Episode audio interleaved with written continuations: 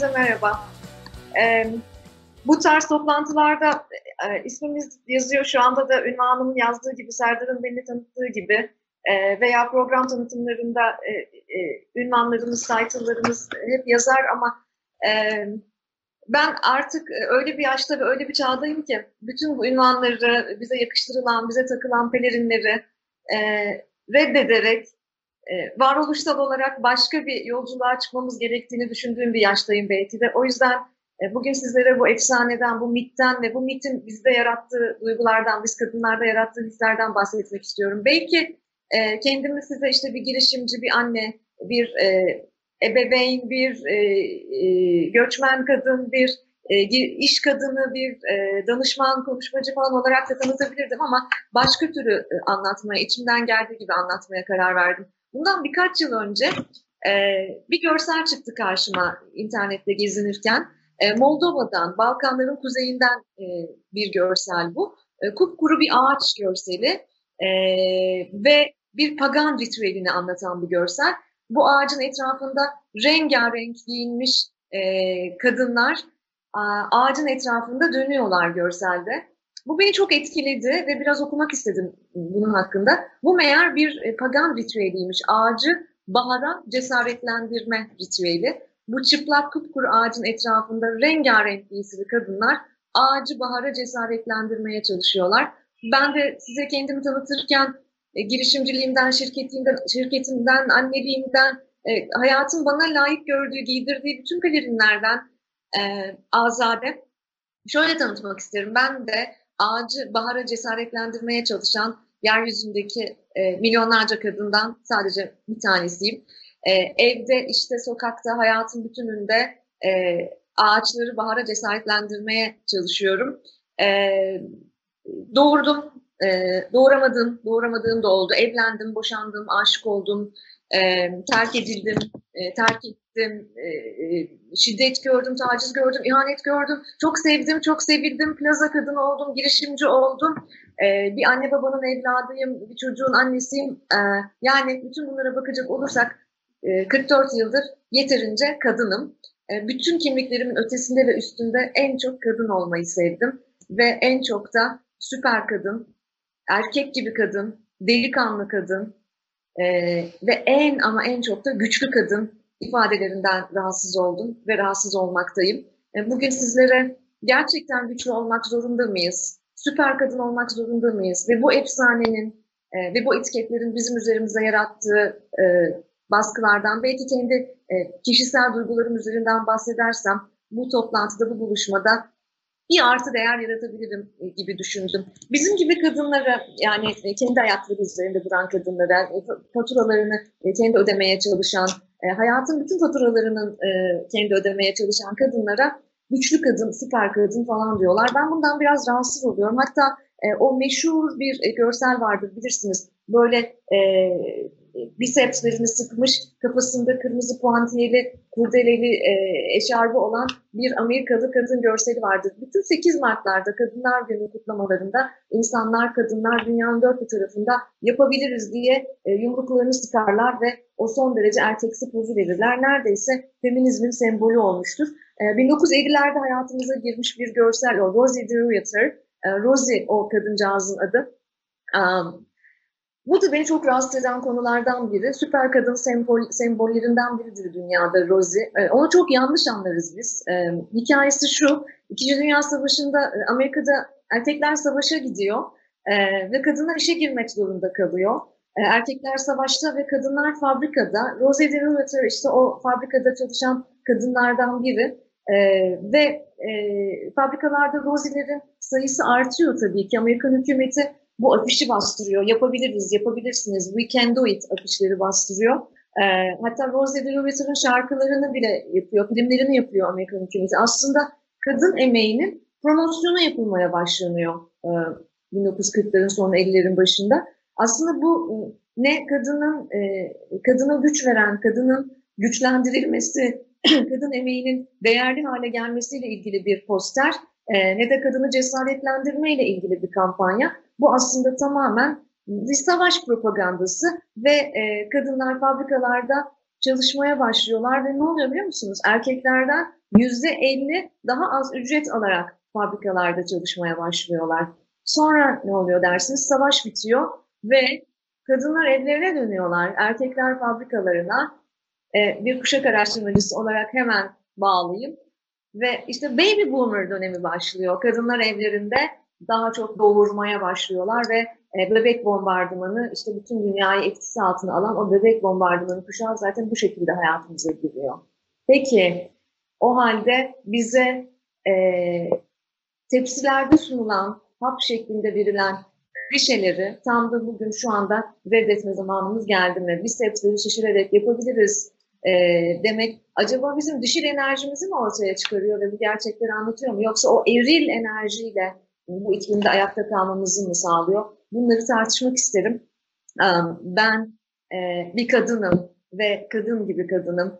Duygularım var, kırılganım, incinebilirim, ağlayabilirim. Hem de yönetim kurulu odalarında bile ağlayabilirim. Eril enerjilerle cam tavanları delen bir kadın olmaktansa kadın enerjimle bana giydirilen e, bütün pelerinleri söküp atarak, ağzıma çalınan bütün bir parmak balları tükürüp atarak ben kadın varoluşumla bu dünyaya değer katabilirim, bu dünyaya ve öncelikle dünyama anlam katabilirim diye düşünüyorum. Biz e, e, şu anda yeni normal ismi verilen bir süreçteyiz. Neresi normal yani eski normal miydi de yeni yeniye normal diyoruz. Niye bu kadar normalleştirme e, motivasyonumuz var bunu çok anlamıyorum ama e, kadın meselesi söz konusuyken ben size biraz eski normalden bahsetmek isterim. Eski normalde e, ne durumdaydık biz? Covid-19 sürecine girmeden hemen öncesinden bahsedeyim. E, 2019'u kapatırken küresel cinsiyet eşitsizliği endeksinde ülkemizden bahsetmek isterim size.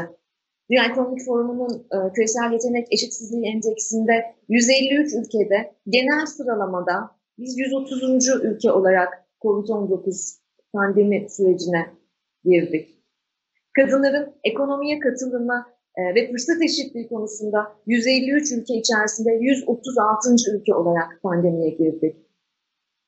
İş gücüne eşit katılımda 153 ülke arasında 135. olarak pandemiye girdik. Ve ne acı ki parlamenter, bürokrat, yönetici oranlarında 153 ülke içerisinde 132. ülke olarak biz pandemiye girdik. Dolayısıyla aslında kadın nın dünyası, kadın meselesi, kadın varoluşu söz konusu olduğunda da tıpkı iş alanının, iş dünyasının diğer konularında olduğu gibi eski çok normal değildi.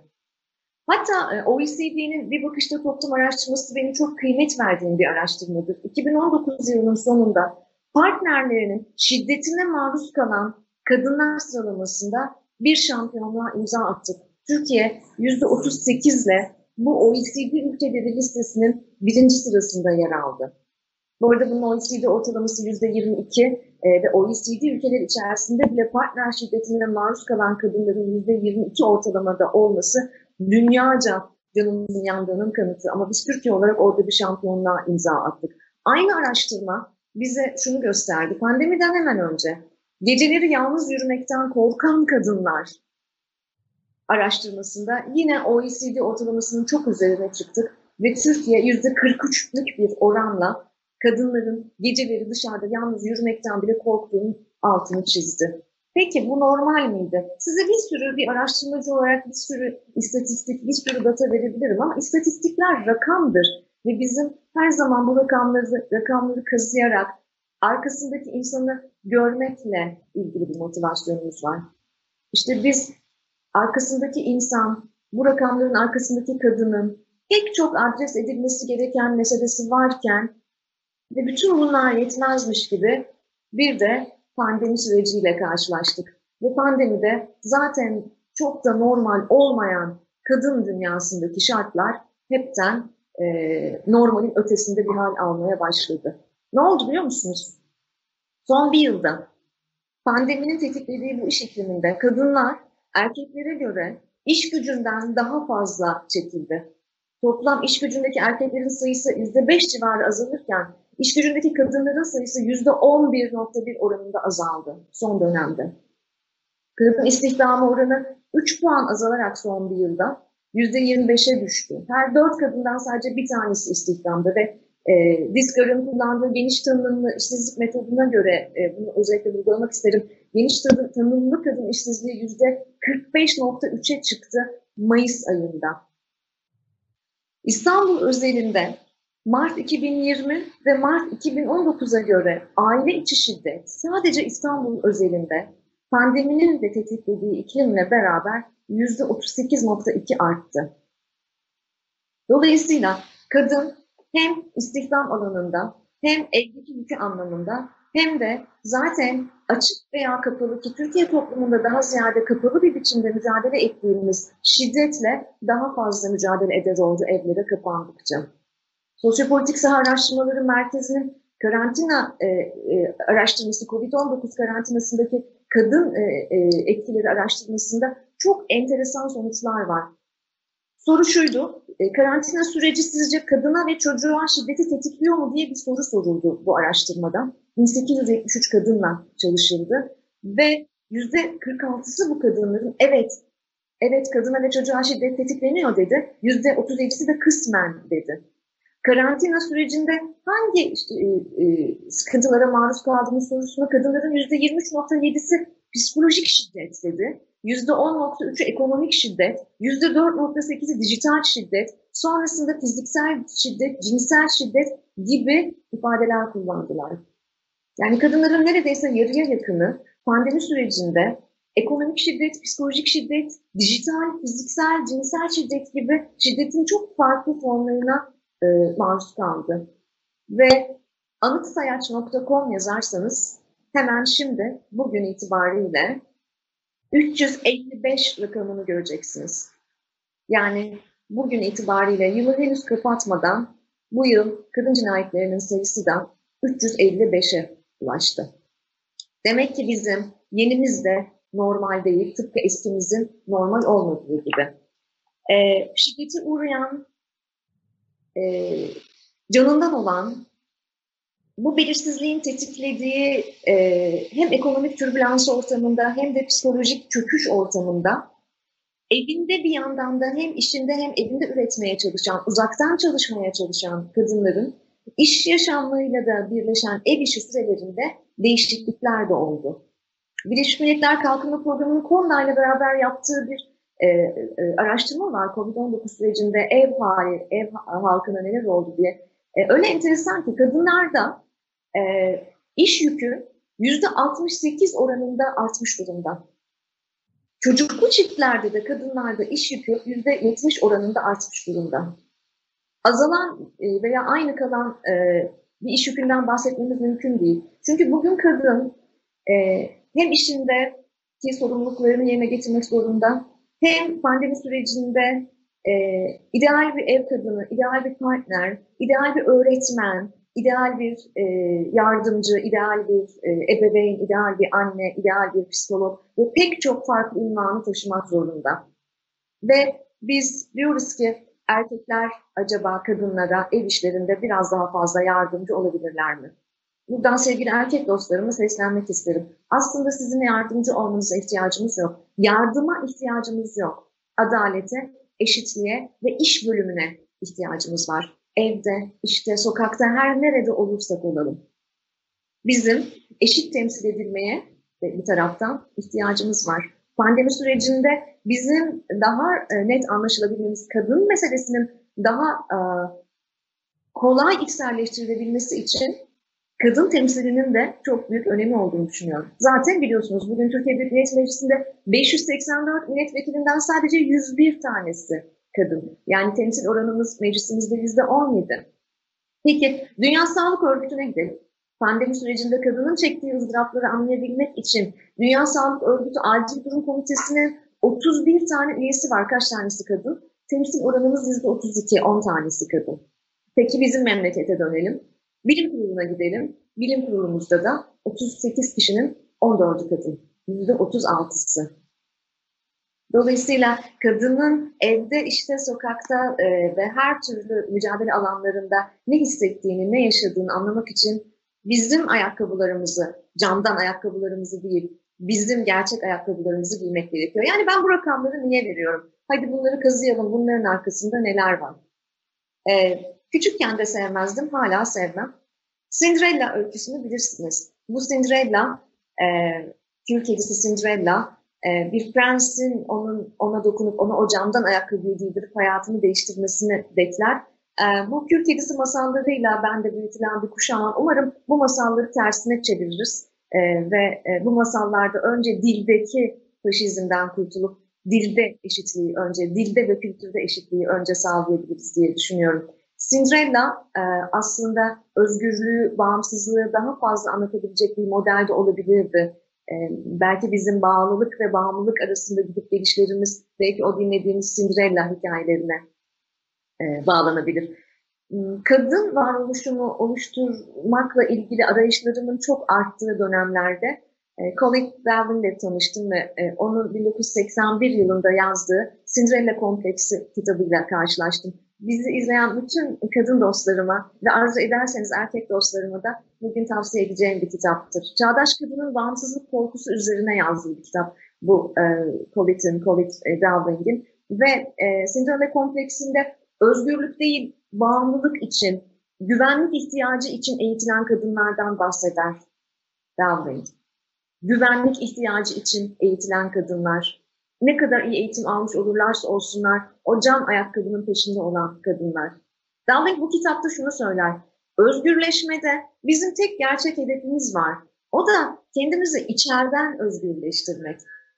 Kişisel, ruhsal bağımlılığa, kadını aklını ve yaratıcılığını tam olarak kullanmaktan alıkoyan ve büyük ölçüde bastırılmış tutumlardan ve korkulardan oluşan bu olguya e, Colin Dowling Cinderella kompleksi diyor. Yani Cinderella gibi bugünün kadını hala dışarıdan bir şeylerin kendi yaşamını dönüştürmesini istiyor. Oysa ki bizim kadın bilgeliğimizde de der ki üstadlar her ne ararsan kendinde ara. Hiçbir şey dışarıdan içeri doğru değil, içeriden dışarı doğru gelişir. Bütün tekamülümüz. Bugün bir kadın e, tekamülünden, bir e, kadın evrimleşmesinden bahsedeceksek şayet, içeriden dışarı doğru bu e, yapı taşlarını oluşturmalıyız. Bu yüzden de Cinderella kompleksi olmayan kız çocukları yetiştirmeliyiz. E, bu yüzden de süper kadın, harika kadın, şahane kadın, güçlü kadın etiketlerini ağzımıza çalınan bu bir parmak balları da e, silkeleyip tükürüp atmalıyız diye düşünüyorum.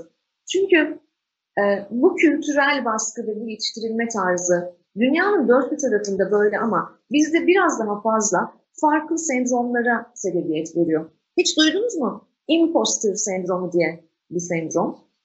Imposter sendromu e, aslında sahtekar sendromu da denir buna. En çok hangi cinsi etkiliyor biliyor musunuz? Önce size sendromu anlatayım. Sonra hangi cinsi e, en çok etkisi altında bıraktığını daha iyi anlayacaksınız. 1970'lerde Pauline Clance ve e, Suzanne Ames e, isimli iki akademisyen ilk kez kullanıyorlar.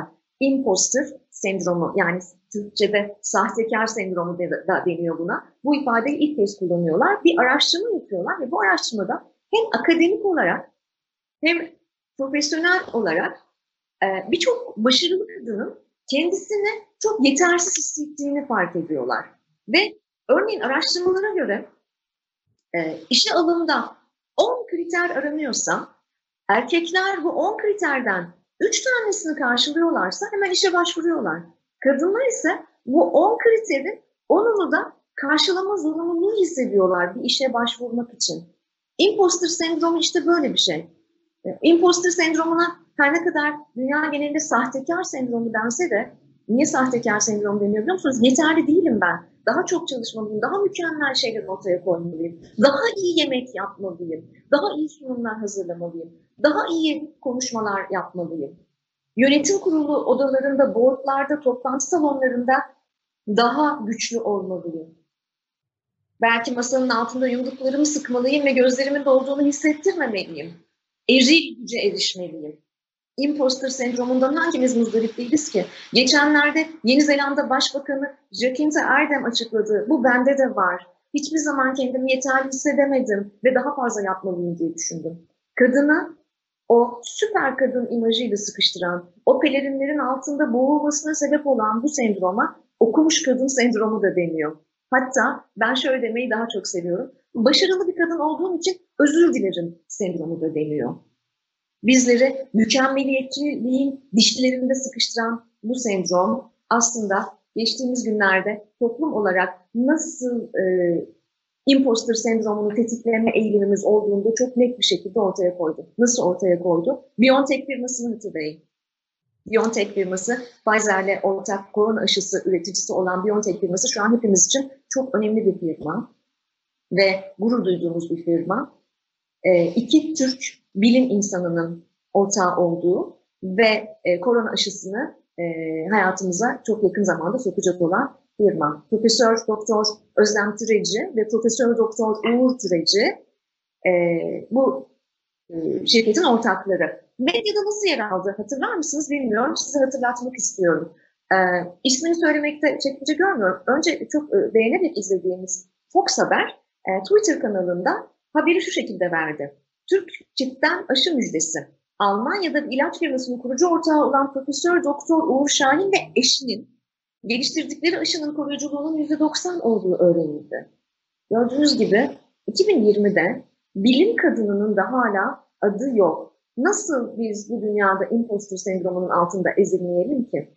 Uğur Şahin ve eşi dendi. Aynı dönemde Hürriyet Gazetesi manşetten şöyle bir haber verdi. Uğur Hoca başardı. Korona aşısı %90'dan fazla etkili. Ve bu koca dev manşetin hemen yanında Uğur Türeci'nin, Profesör Uğur Türeci'nin fotoğrafı. Kimse Profesör Doktor Özlem Türeci'den hala Türkiye medyasında bahsetmiyordu. Bir başka yayın organı In Business dergisi kapaktan verdi haberi. Covid-19 aşı yarışını kazanan Türk'ün gizemli hikayesi, dünyanın uğuru ve Profesör Doktor Uğur Türeci'nin tek başına kapakta bir fotoğrafı. Demek ki bu dünya külliyen kadının sesini kısmayan, 21. yüzyılda, 21. yüzyıl yetkinliklerinden bahsettiğimiz bu günlerde de hala devam ediyor. Ne yapacağız? Hmm, belki bunları tartışmaya açmak bile bugün bizi A noktasından B noktasına taşıyabilecek bir farkındalıktır. Tam bu noktada e, bir kez daha söylemek istiyorum ki önce dildeki faşizmle mücadele etmemiz gerekiyor. Türkiye medyasından, Türkiye'nin iş dünyasına kadar bütün bu e, bile isteye eşitsizlik çabalarına direnmemiz gerekiyor. Bunun için ihtiyacımız olan şey pelerinleri, cam ayakkabıları, güçlü kadın, erkek gibi kadın etiketlerini fırlatıp atmak. Çok sevdiğim bir kadın var. Rebecca Solnit. Kendisini hiç duydunuz mu bilmiyorum. Ama şimdi birazcık daha ondan bahsettiğimde aşina gelecek size. Rebecca Solnit 2008 yılında bir makale yazdı. Bu makalede ilk defa mansplaining diye bir sözcükten bahsetti. Bu bir yeni dönem sözcüğü. Kurgulanmış, yeniden yapılmış bir sözcük. İçerisinde hem men var, erkekler var hem de explain var. Yani erkeklerin sürekli konuşması ve e, bir şeyler açıklaması. E, bu e, 2008 makalesinde mansplaining sözcüğünü ilk kez kullandığında şöyle bir tanım getirdi. Mansplaining şu demek. Mansplaining, erkeklerin kendi uzmanlıkları olan ya da olmayan her konuda kadınlara açıklama yapması, hatta kadının o ilgili konu üzerinde senelerini harcamasına dahi aldırmadan ona yok canım öyle olmaz bak böyle olur diye doğru yolu göstermeye çalışması. Yani e, öğreten adamlar diyebiliriz biz buna. Biz bu e, öğreten adamları sık sık televizyon ekranlarında, yayınlarda, Serdar'cığım seni e, tenzih ediyorum e, Master of Ceremonies olarak. E, senin kesinlikle mansplaining yapmayan bir adam olduğunu yıllardır deneyimliyorum bu arada. Ama biz bu öğreten adamları çok sık görürüz. Mesela televizyon kanallarında bir araya gelirler ve kadın eşitliği, e, kadının iş yaşamına katılımı, kadın istihdamı e, konusunda bir sürü adam bir araya gelir ve konuşurlar. Bu e, son dönemde Türkçe'ye erkekleme diye çevrildi. Erkekleyen, erkekleme yapan bir dolu erkekle de karşılaşıyoruz biz. Dolayısıyla bu yayını izleyen dostlardan, yöneticilerden, liderlerden belki şöyle bir istirhamımız da olabilir Bilhassa toplantı salonlarında veya e, dijital toplantı kutucuklarında belki mansplaining yani erkekleme yapmaktan vazgeçebiliriz. Yani önce dilimizi düzeltebiliriz. E, Rebecca Solnit harika bir kitap yazdı. Men Explain Things to Me. E, ve bu kitap, isterseniz orijinalini okuyabilirsiniz ama bu kitap e, Türkçe'ye de çevrildi. Bana bilgiçlik taslayan adamlar diye. E, demek ki bizim bu dille savaşabilmemiz için önce erkek dostlar olarak dönüp bir kendimize bakmamız, ben erkekleme yapıyor muyum, mansplaining yapıyor muyum, kadınların uzmanlık alanlarında onlara e, öğretmeye devam mı ediyorum, e, bu didaktik tavra devam mı ediyorum, yoksa birlikte gelişmek ve gerçekten eşitlikçi bir yönetim kurulu, gerçekten eşitlikçi bir iş yaşamı, eşitlikçi bir ev için e, bilgiçlik taslamaktan vazgeçmeyi göze alabilir miyim? Belki buna da bakmalıyız. Çünkü erkekleme yani mansplaining Aa, harika bir kuru fasulye. Tam da benim istediğim gibi yapılmış diyaloglarından başlıyor. Çocuklarımızın önünde gerçekleşen bu diyaloglardan başlıyor. Ve iş dünyasının her seviyesinde, her seviyedeki e, toplantı salonuna, e, plazaların her katına, üretim bantlarının her katına, her hattına yayılıyor. Çok sevdiğim bir e, karikatürde görmüştüm. E, bir e, beyefendi ve bir hanımefendi masada e, sohbet ediyorlar ve Beyefendi hanımefendinin sözünü kesiyor ve diyor ki izninizle özgüvenimle uzmanlığınızın arasına gireyim. Dolayısıyla e, kadınların uzmanlığı olan alanlarda, cinsiyetlerinin ne olduğu fark etmeksizin uzmanlığı olan alanlarda lütfen sevgili erkek dostlar bize erkekleme yapmayın ve özgüveninizle uzmanlığınızın arasına girmeyin. E, bu e, çok enteresan bir konu gerçekten. E, e, neden bu şekilde e, dili değiştirmeden kültürü değiştiremeyeceğimizi e, çok sık düşünürüm ama e, bütün e, stratejik başarısızlıkların, e, bütün inovatif girişimlerin, e, dijital dönüşümlerin e, veya iş yerinde eşitlik gibi e, vizyonların veya hedeflerin başarısızlığa uğramasının altında bugün saatlerde konuşulduğu gibi hep kültür var. Kültür tüm stratejileri kahvaltıda çiğ çiğ yiyor. Kadın özgürlüğü de bundan çok e, ayrı bir yerde tutabileceğimiz bir şey değil. Ve e, çok önemli bir konu olduğunu düşünüyorum. Kadın özgürlüğünün tek başına kadınlar tarafından da kurgulanabileceği, eşitliğin tek başına kadınlar tarafından da kurgulanabileceği bir kavram olmadığını düşünüyorum. Rebecca Solnit'ten bahsetmişken aynı çalışmasında bana bilgiçlik taslayan erkeklerde erkek dostlara şöyle bir mesaj verir. Der ki kadın özgürlüğü nedense erkeklerin elindeki ayrıcalıkları ve iktidarı sinsice ele geçirmek isteyen bir hareket gibi algılanıyor. Hayır, sanki bir tarafın kaybetmeye mahkum olduğu, taraflardan sadece birinin özgür ve güçlü çıkabileceği bir savaş varmış ortada gibi görünüyor. Hayır. Oysa biz birlikte özgürleşebiliriz. Ya birlikte özgürleşeceğiz ya da birlikte köleleşeceğiz. Ayrımcılığı tek başına kadınlar yok edemez. O yüzden lütfen bizim çiçek olduğumuzu, bizim pelerinli süper kadınlar olduğumuzu, bizim erkek gibi kadınlar olduğumuzu, bizim delikanlı kadınlar olduğumuzu artık unutun ve bizim kadın olduğumuzu, sizin ayrılmaz bir parçanız olduğumuzu, iş yaşamının ve yaşamın bütünselliğinin ayrılmaz bir parçası olduğumuzu ve bu mücadelede birlikte olduğumuzu hatırlayın. Ya birlikte özgürleşeceğiz ya da birlikte köleleşeceğiz. Beni dinlediğiniz için çok teşekkür ederim.